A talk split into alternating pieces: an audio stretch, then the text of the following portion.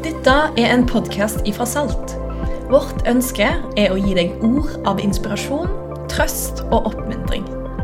I denne spesielle perioden anbefaler vi deg å følge oss på sosiale medier eller på salt.co.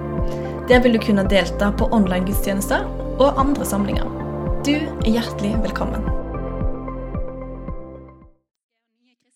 liksom den reisa der. Brenner veldig for det. Og så I tillegg så jobber jeg som undervisningsleder på Bibelskolen Substans. Og altså Ruben snakket jo litt om Drillo og det å ta gode valg. Og eh, at et godt valg for Drillo eller Han endte opp med ikke ta det som var et veldig godt valg. Jeg har lyst til å si hva som er et godt valg for deg i neste skoleår. Og det er å ta et år på Bibelskolen Substans. Og jeg får lønn uansett om jeg sier dette eller ikke, så det er ikke derfor jeg sier det. Men jeg tror at neste år blir et sinnssykt bra år på Substans. Vi har nettopp lansert på Instagram at vi skal til eh, Nord-Norge. Altså fra Argentina tidligere år til Nord-Norge i år. Jeg vet hva jeg ville valgt. Lofoten? Nei. Men, eh, men, jeg tror det blir et skikkelig bra år. Det blir, det blir ikke på en måte helt likt som de tidligere årene, men jeg tror det blir bedre. Så anbefaler jeg, sett av et år. Jeg tror det vil gjøre noe med livet ditt. Et år på bibelskole. Et liv med substans. Yes. 20.07.2013 så landa jeg på Tromsø lufthavn. Jeg hadde hatt noen sånn helt sinnssykt travle uker bak meg, hvor jeg hadde jobba masse. Det var sommer. Eh, jeg hadde i ett og samme bryllup vært forlover. Arrangert utdrikningslag, det gjør du jo når du er forlover. Sunget i vielsen og vært toastmaster. Ja, brudepar elsker meg, for å si det sånn. Det var søstera mi òg, da. Så jeg var søster òg.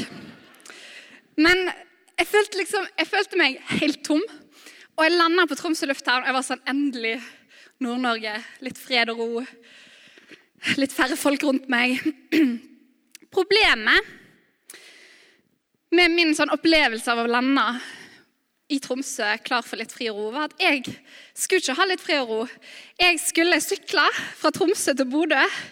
En idé som meg og venninna mi Maria hadde fått kanskje sånn fire-fem uker tidligere eh, som jeg ikke hadde hatt tid til å trene til i det hele tatt, og som jeg ikke var litt klar for. Så jeg var ikke framme med mål, jeg var bare kommet meg til startstreken. For alt her i livet har en startstrek, og alt har en målstrek. Alt du gjør i livet, hvor du bor, har en startstrek og en målstrek. Hva du studerer, hvor du jobber, hvilke relasjoner du har. Og jeg tror ikke at jeg er alene om å av og til misforstå startstreken fra å være en målstrek. For det er noe som skjer rundt oss hele tida, at det vi tror er å komme i mål, egentlig er bare starten. F.eks.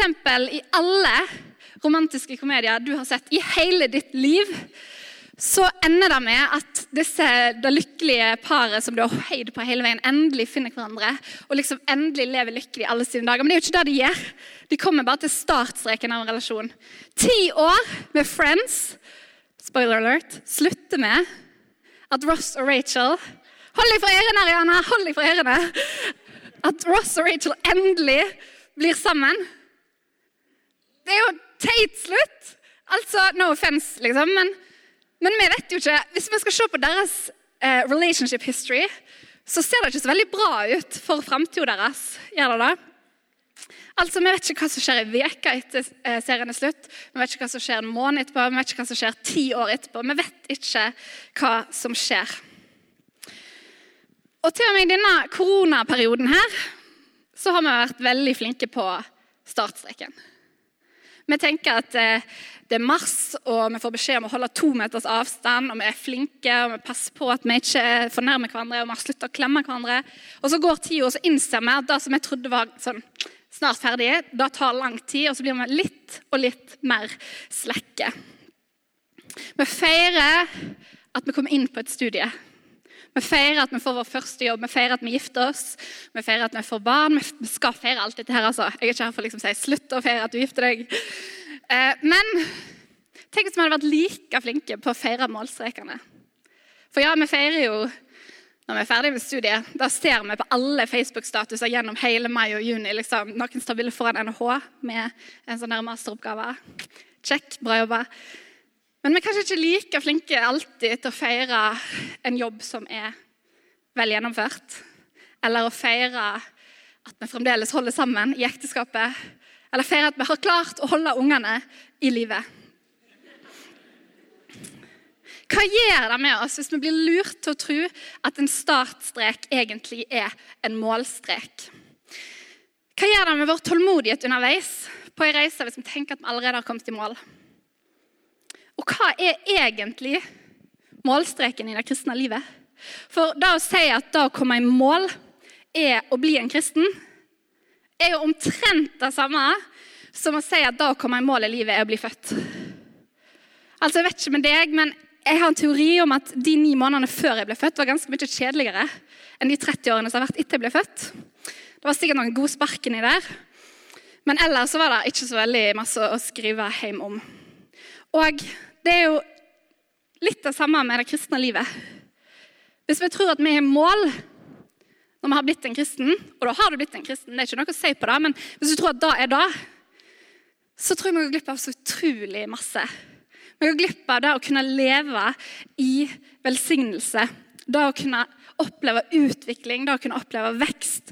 Det kunne jeg kjenne på en glede som kanskje er større enn bare en vanlig glede. Og da kunne jeg kjenne på en fred som Bibelen beskriver som fred som overgår all forstand. Altså en fred som ikke engang er logisk, men som du kan kjenne på. Da å kjenne på kraft, da å kjenne på styrke. Men jeg tror òg det kristne livet har, har, kan by på motgang og motstand og noen tøffe tak. Men jeg tror det er verdt det. Jeg tror det. Så da blir en kristen egentlig bare startstreken av troslivet. Og Paulus, som jeg kan lese om i Bibelen, han hadde en av de liksom, heftigste startstrekene som jeg har lest om i hele mitt liv. Paulus han, eh, han var en mann. Hvis du ikke har lest denne historien, så anbefaler jeg å lese den sånn ordentlig. Det står i Apostlenes gjerninger kapittel 9, tror jeg. Eh, ja. Og sånn, Hans liv i korte trekk før han blir kristen, er å være litt sånn hater. Han går rundt og bokstavelig talt hater kristne. Han går rundt og jakter på dem, han har lyst til å drepe dem, han har lyst til å eh, få dem dømt. Han har lyst til å gjøre livet skikkelig vanskelig for dem. Og så skjer det noe. Han er på vei til en ny by, han skal finne enda flere kristne å jakte på. Og så plutselig så ser han et lys ganske sterkt, litt sterkere enn dette. Så bare blender han totalt, og han blir blind. Og så hører han Jesus i stemme tale til han. En ganske heftig gudsopplevelse, og det er sånn han blir en kristen. Etter et par dager så får han synet tilbake igjen. En kristen mann kommer for å be for han og får synet tilbake igjen, og han blir døpt. og hans kristne liv starter der. Og jeg vet at Noen av dere har såpass heftige nesten sånn som Paulus-opplevelser. Andre har helt andre startstreker.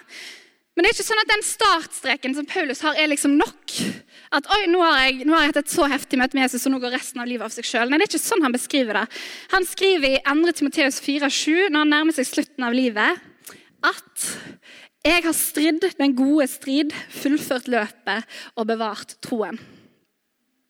Så da sjøl Paulus, som hadde en så liksom, heftig startstrek, et så tydelig minne av um, hvem Jesus er, en så sterk opplevelse, beskriver troslivet sitt som å stride den gode strid, så betyr det faktisk at troslivet skjer ikke helt av seg sjøl. Det gjør ikke det. På samme måte som det å sykle fra Tromsø til Bodø Spoiler alert for resten av historien. Det skjer heller ikke helt av seg sjøl. Og Ross og Rachel de kan ikke bare tenke at denne gangen sorry Ariana, glemte spoiler alert, um, at denne gangen går det helt av seg sjøl. Selv om Selvfølgelig med alle krysser fingrene sant? for at Ross og Rachel lever lykkelig i en eller annen leilighet i New York den dag i dag. Men Paulus han skriver også i brevet til filipperne om denne trosreisa som kristne går. og Den teksten skal vi dykke inn i i dag. Så siden mange av dere bor Du kan virkelig åpne Bibelen i dag. Filipperne kapittel 3 skal vi til. Ha den gjerne foran deg, for vi skal grave litt i denne teksten. Hoppe litt inn og ut av den i løpet av de neste minuttene. Men Filipperne 3, vers 12-16, så sier Paulus følgende. Jeg mener ikke at jeg alt har nådd dette, eller alt er fullkommen. Men jeg jager fram mot det for å gripe det, fordi jeg selv er grepet av Kristus Jesus. Mine søsken, jeg tror ikke om meg selv at jeg har grepet det, men én ting gjør jeg. Jeg glemmer det som ligger bak, og strekker meg etter det som er foran. Og jager frem mot målet, mot den seiersprisen som Gud fra det høye har kalt oss til i Kristus Jesus. La oss tenke slik, alle vi som har nådd fram til modenhet. Og om dere ser annerledes på noe, skal Gud gi dere klarhet også i det. La oss bare, så langt vi har kommet, fortsette i samme spor. Dette er ikke et sånt brev hvor Paulus er ute med pekefingeren og sier liksom, 'Hallo, skjerp dere, alt dere gjør feil.' Men det er mer et brev hvor Paulus oppmuntrer filipperne til å fortsette i det sporet som de allerede er i. Det han egentlig sier, er at valgene som vi tar, valgene som skjer underveis i livet, og valgene som vi tar nå for det som ligger foran, er det som gjør at vi kan fortsette i samme retning i troslivet. Han snakker om valget av å glemme det som ligger bak. Han snakker om valget av å fortsette sammen i samme spor, og valget av å feste blikket på målet. Jeg har litt lyst til å snakke om disse valgene sammen med deg i dag, og om hvordan livslang tro kan se ut. Hvilke valg vi må ta for at det skal skje. Så For det første så snakker Paulus om å glemme det som ligger bak. Han sier i vers 13.: Mine søsken, jeg tror ikke om meg selv at jeg har grepet det, men én ting gjør jeg. Jeg glemmer det som ligger bak, og strekker meg etter det som er foran. Og På overflaten så kan jo dette verset virke litt som oppskriften på usunn fornektelse. Ikke sant? Da glemmer liksom alt som ligger bak. Det høres ut som en dårlig forsvarsmekanisme i vanskelige prosesser. Men det er ikke det Paulus snakker om. Han snakker ikke om liksom å ignorere det og ikke prosessere det. Men det han snakker om, er hvor har vi fokus vårt. Har vi fokus vårt på det som ligger bak oss, eller klarer vi å strekke oss til det som ligger foran oss? For Paulus han hadde faktisk ikke bare kjipe ting bak seg. Som sagt så hadde han en ganske heftig liksom, startstrek. Han hadde opplevd Gud ganske kraftig. Men det var liksom ikke da han skulle feste blikket på. Det øyeblikket med Jesus han hadde hatt på den veien. Han ville likevel feste blikket framover. Han hadde planta kanskje altså Ekspertene er uenige, men kanskje 14, kanskje flere menigheter rundt omkring i det som er Tyrkia, det som er Hellas, og nå var han faktisk kommet seg helt Roma. Mens hvis du sammenligner med Jesus, da Jesus var liksom i bitte liten radius i Midtøsten når han levde livet sitt på jorda, mens Paulus han hadde fått reist masse, fått opplevd masse. Han kunne fokusert på de tingene. Han kunne liksom snudd seg bakover og tenkt tilbake på det fantastiske øyeblikket han hadde i Korint, eller de årene han hadde i Efesus. Eller han kunne liksom tenkt på åh, alt var jo så lett før. Åh, når jeg gikk på DTS, så var det liksom så lett å lese Bibelen og be sammen. Og nå klarer jeg nesten ikke å åpne munnen. Eller. Han kunne liksom fokusert på det som var, og glemt det som lå foran. Men Paulus lar ikke det som ligger bak, være det som preger livet sitt. Og jeg tror Det er to viktige grunner til det. For det første fordi sunt trosliv får mat ofte. Sunt trosliv fokuserer ikke på den kebaben den spiste for et år siden og tenker at de fremdeles er mett. Men sunt trosliv fokuserer på den maten, den næringen, det troslivet trenger for å holde seg sunt. Så sunt trosliv leser Bibelen jevnlig. Sunt trosliv ber jevnlig. Sunt trosliv deltar på gudstjenestene. Sunt trosliv vet å finne seg mat. Men den andre grunnen som jeg vil bruke litt tid på nå, det er at det som ligger bak, har faktisk muligheten til å fange oss inn. I Hebreerne 12, i det første verset, så står det derfor, når vi har så stor en sky av vitner omkring oss, så la oss legge av alt som tynger, og synden som så lett fanger oss inn, og med utholdenhet fullføre det løpet som ligger foran oss. Jeg vet, det er juli, ingen vil høre om synd. Jeg vet det. Men hvis du gir meg tre minutter til å si bitte litt om synd, så skal jeg love deg at du vil bli oppmuntra av det. Jeg er nemlig helt sjukt dårlig i pilkast. Sånn helt seriøst, helt elendig. Som ikke annet så kan du bli oppmuntra av at du sannsynligvis er bedre enn meg i pilkast. For da kan jeg nesten garantere at du er, og hvis du ikke er det, så tror jeg jeg skal be litt for deg. Jeg har veldig sterkt konkurranseinstinkt, så for en med så sterkt konkurranseinstinkt så er det ikke noe gøy å være helt sjukt dårlig i pilkast. Så jeg kaster, Og så bommer jeg. Sånn med en meter. Og så taper jeg. Og så bommer jeg så kraftig at folk faktisk har begynt å le. Eh, og det er ikke noe gøy å være med på. Så hvis noen da spør meg Elisabeth, har du lyst til å være med på pilkast, så svarer jeg nei. For en sånn ydmykelse har ikke jeg lyst å være med på. Og da ordet i Bibelen som oftest blir brukt om synd, kan oversettes som å bomme på målet. Og i livet er det jo litt samme psykologi som skjer som når jeg spiller pilkast. Nemlig at hvis du bommer nok ganger, så gidder du ikke å prøve mer. Så gidder du ikke å satse på nytt. Så gir du rett og slett litt opp. For si det sånn, Hvis livet hadde vært en pilkastrunde, så hadde jeg vært den største synderen iblant oss. Og dette, dere, det er synden som så lett fanger oss inn. Det er ikke bare at han fanger oss inn til å synde mer, men at han fanger oss inn til å gi opp. Han fanger oss inn til å slutte å feste blikket på Jesus. Han fanger oss inn sånn at det eneste vi ser, er den synden som er bak oss, de valgene som vi tok som vi ikke burde ta, i stedet for å se på han som kan faktisk hjelpe oss med de valgene. Og kuren mot den synden som så lett fanger oss inn, er faktisk ikke å synde mindre. Vi har en tendens til å tro det. Men det er like teit som å si at kuren mot sykdom er å være mindre syk. Det går liksom ikke an å si. Resultatet av kuren mot sykdom er at du blir mindre syk. Og resultatet av kuren mot synd er at du synder mindre. Men det kuren er, det er å være mer med Jesus. Det er å feste blikket på Jesus. Det er å slutte å diskvalifisere oss. Slutte å se på det som ligger bak, slutte å se på det som fanger oss inn, og heller feste blikket sammen på Jesus. Jesus han vil ikke ha perfekte liv. Hvis han ville det, så hadde han ikke funnet dem. Men da hadde han også sagt at dere trenger ikke meg. Dere har perfekte liv. Men det han vil ha, det Jesus vil ha, det er åpne hjerter. Det er folk som tør å være ærlige med Jesus. Tør å si Åh, på det området av livet mitt så er det helt umulig. Det føles helt umulig å ikke synde. Det føles helt umulig å ikke gjøre det som jeg vet er feil. Det føles helt umulig. Jesus, hjelp meg. Det er det Jesus ønsker. Så la oss, som Paulus, glemme det som ligger bak.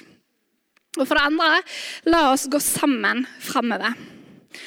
I vers 15 og 16 så sier Paulus, la oss tenke slik alle vi som har nådd frem til modenhet. Og om dere ser annerledes på noe, skal Gud gi dere klarhet også i det. La oss bare, så langt vi har kommet, fortsette i samme spor. La oss fortsette i samme spor. Det er faktisk lagd en Pixar-film eller Disney eller et eller annet som handler om dette. Det er nemlig, Har du den filmen?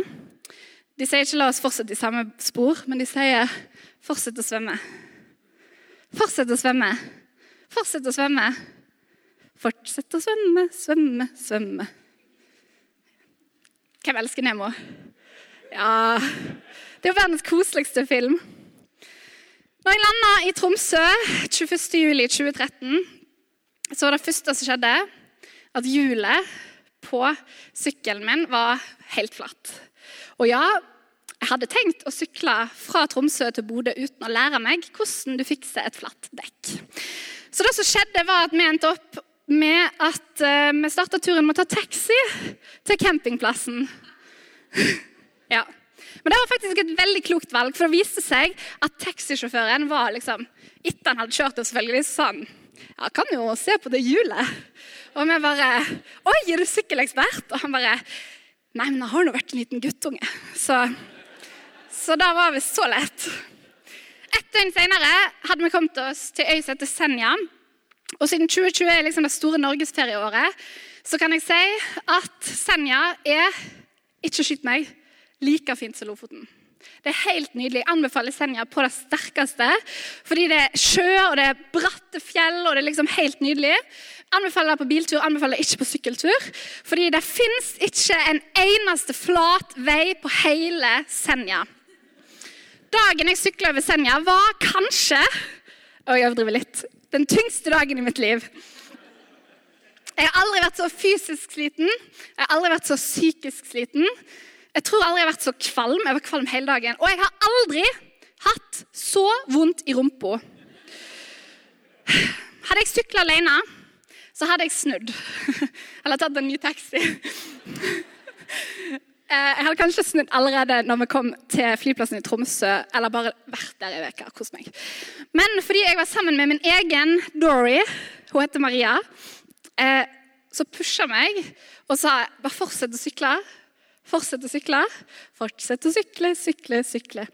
Så gikk det. Hvem jeg sykla sammen med, var betydningsfullt.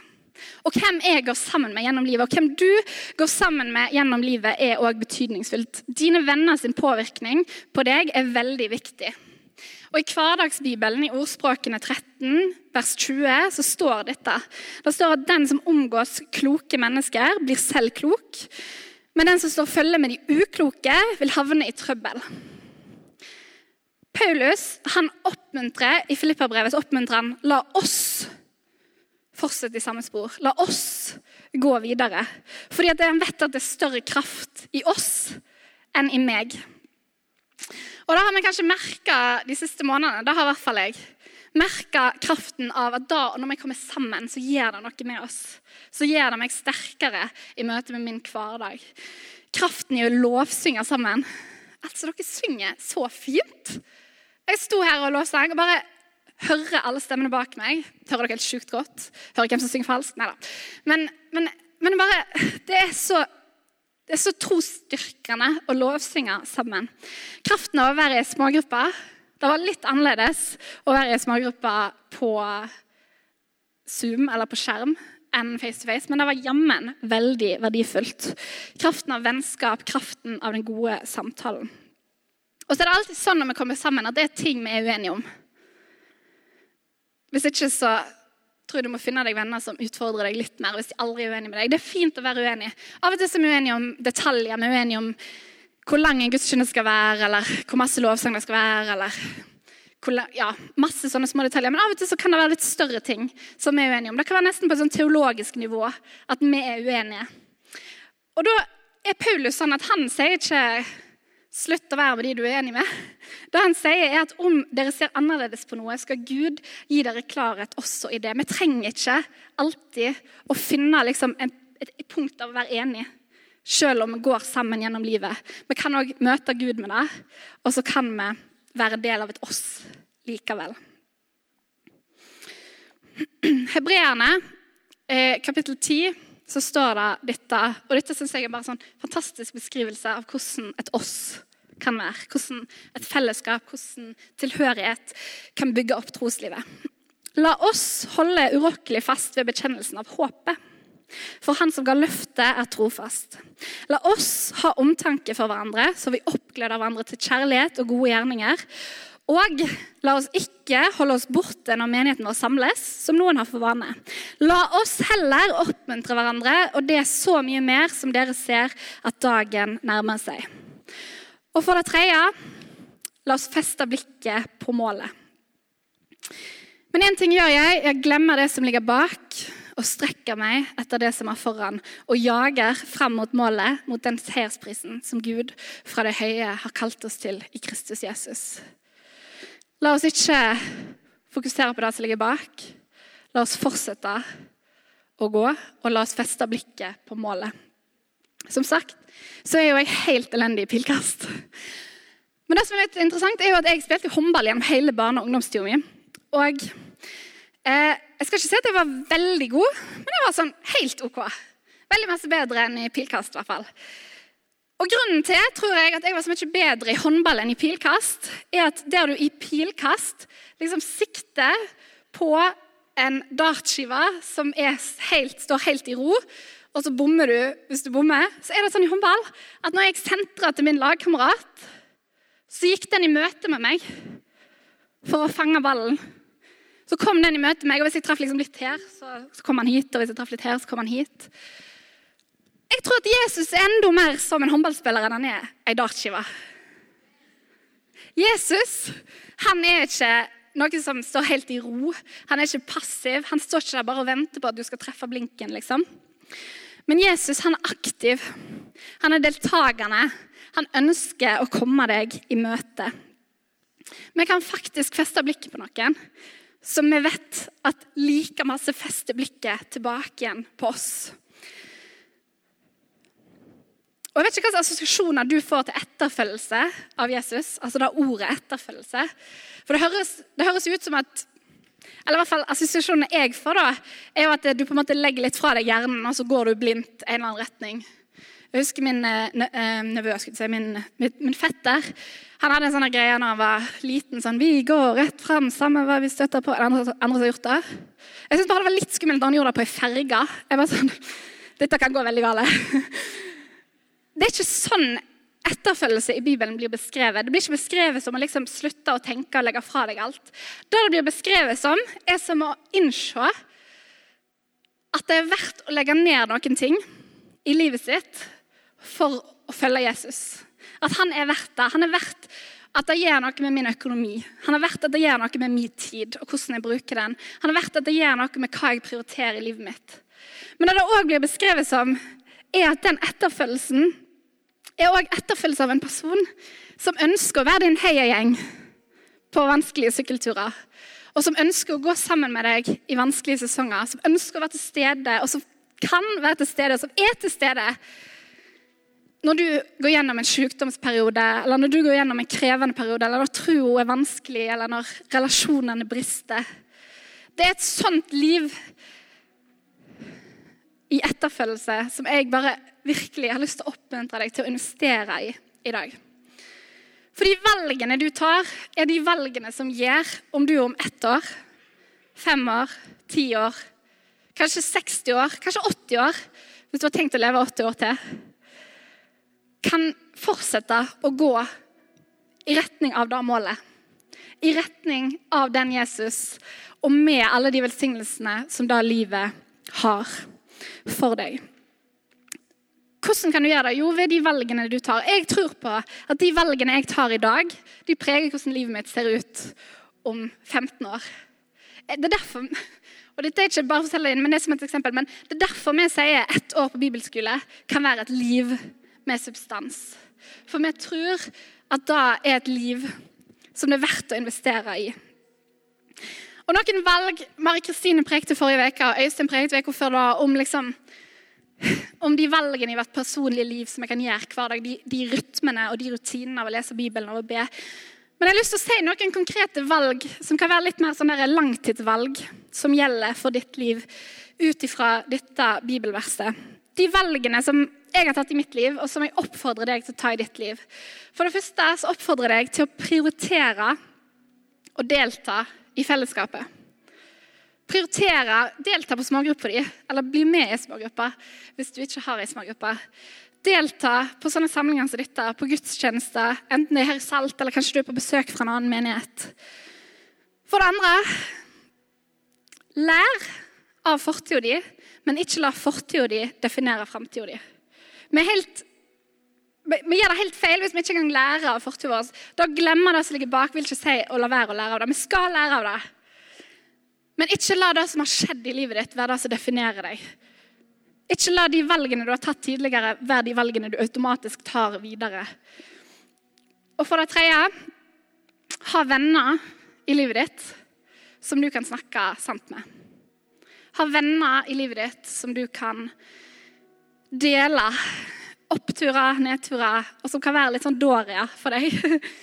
Dory, som kan, som kan, oppfordre deg til å bare fortsette. Og hvis du ikke har sånne venner i livet ditt, og jeg vet det er litt klisjé, men det stemmer veldig godt for mitt liv, for jeg har ikke alltid hatt sånne venner i livet mitt, bli en sånn venn for noen andre.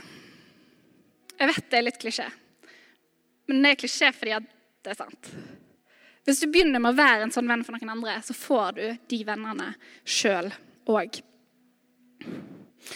Og dere, kanskje vi alle være et sånt oss som Paulus snakker om. Kanskje vi være en sånn oss, en sånn gjeng, en sånn gruppe som gjør det lett for folk å leve livet sitt med Jesus. Kanskje vi være en sånn oss som inkluderer, som ser hverandre, som stiller de gode spørsmålene til hverandre, som sier 'Jeg er uenig med deg om det, og det trenger ikke vi å bli enige om her og nå'. Som lar hverandre gå den reisa som hver en av oss har. Skal vi reise oss opp sammen, og så skal vi be.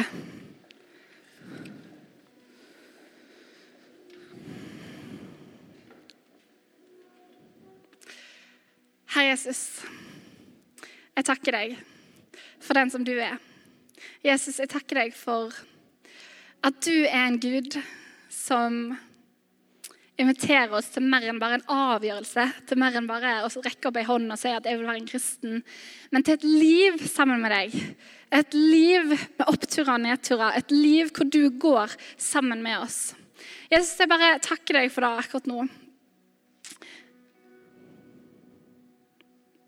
Takk, Jesus. Jeg tenkte litt på det med å glemme det som ligger bak. Jeg vet ikke hva det er for deg som kanskje Jeg tror kanskje noen av dere har, har noen ting bak dere som preger litt for masse av måten dere ser på det som ligger foran dere. Om det er Altså, jeg snakket om synd, om det er synd, eller om det er ting som har skjedd som gjør at du har slutta å tro at ting kan funke annerledes i framtida.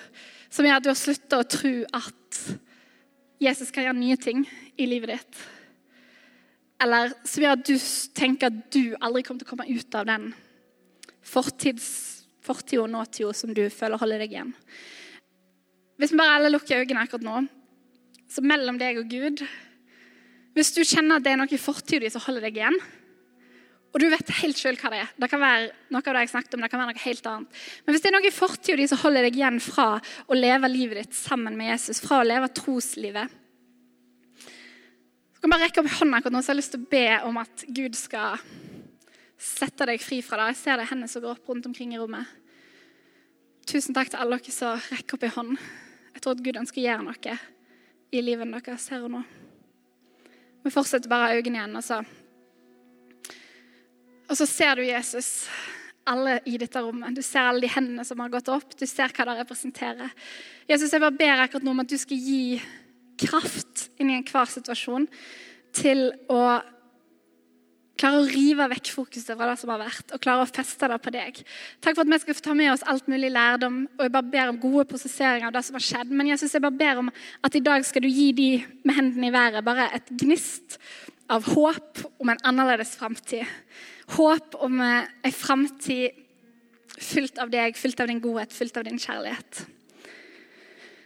Takk, Jesus. I Jesu navn.